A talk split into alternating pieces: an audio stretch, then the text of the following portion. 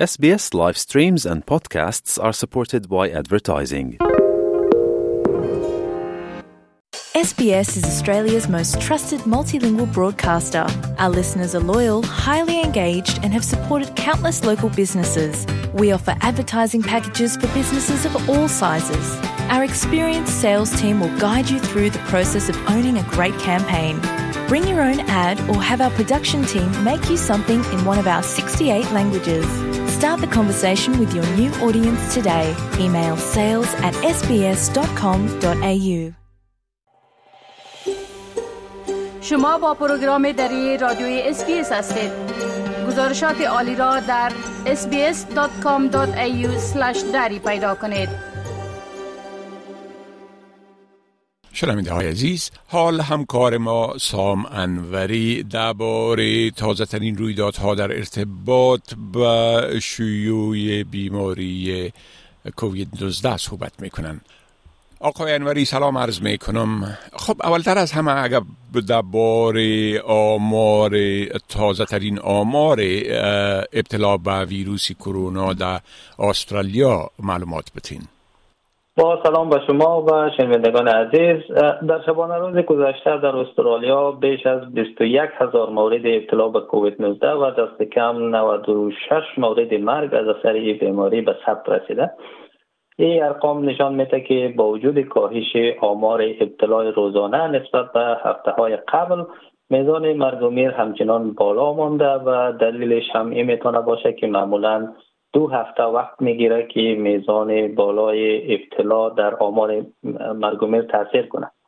ایالت نیسات در 24 ساعت منتهی به ساعت چهار بعد از ظهر روز دوشنبه بیش از ده هزار مورد تازه ابتلا به کووید 19 و 25 مورد مرگ بر اثر این بیماری گزارش کرده همچنین در حال حاضر 2265 بیمار کرونا در شفاخانه های ولز بستری هستند که از جمله 54 نفرشان تحت مراقبت شدید قرار دارند.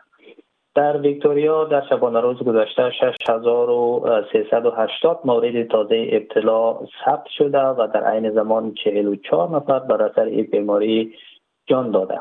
در حال حاضر 673 بیمار کرونا در شفاخانه های این ایالت بستری هستند که از او جمله 32 نفرشان تحت مراقبت شدید قرار دارند.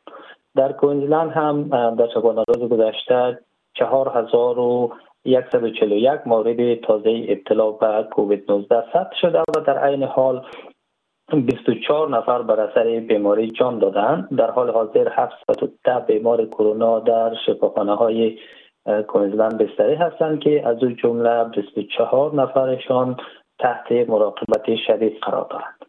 بله. خب در گزارشی گفته شده که کووید 19 در سال 2022 سومین علت مرگ و میر در استرالیا بوده.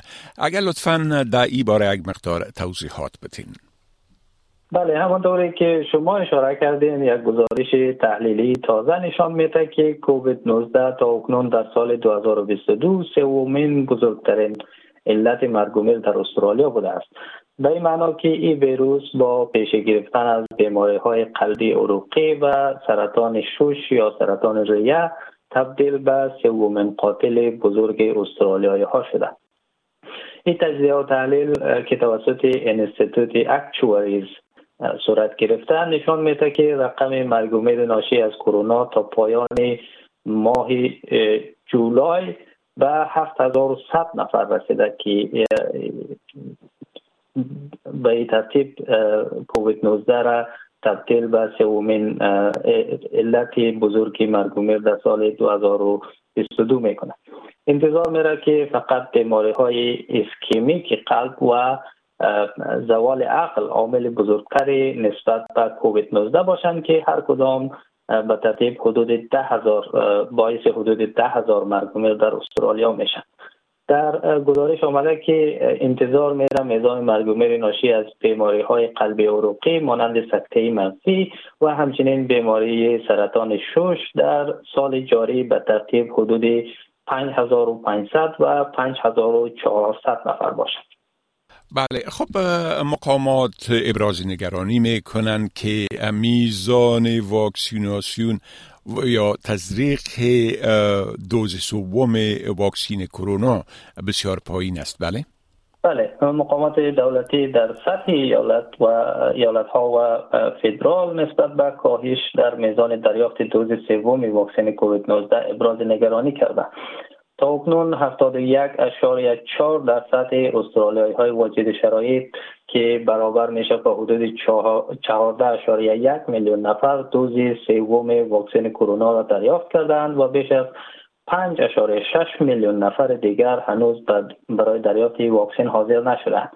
در میان ایالت ها و قلمروها کوینزلند با پوشش تنها 64.5 درصد کمترین میزان تطبیق دوز سوم و قلمرو پایتخت یا کانبرا با پوشش 79.9 درصدی بلندترین میزان تطبیق دوز سوم را داشته در حال حاضر روزانه تعداد بسیار ناچیزی برای دریافت دوز سوم واکسن به مراکز واکسیناسیون مراجعه می کنند مارک بطلر وزیر صحت فدرال گفته که میزان دریافت دوز تقویتی سیر افقی یا یک نواخت به خود گرفته و این چیزی است که او را بسیار نگران می‌کنه به این خاطر قرار است کارزارهای آگاهی دهی تازه در سرتاسر کشور راه اندازی شود تا به خصوص افراد زیر 65 سال را تشویق به دریافت دوز سوم واکسن کرونا بکنند.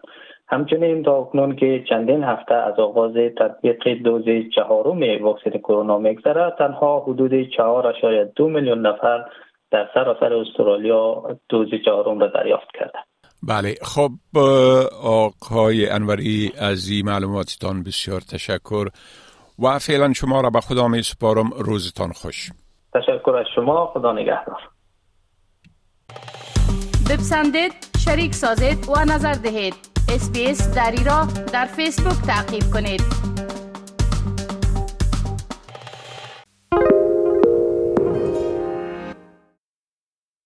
SBS is Australia's most trusted multilingual broadcaster.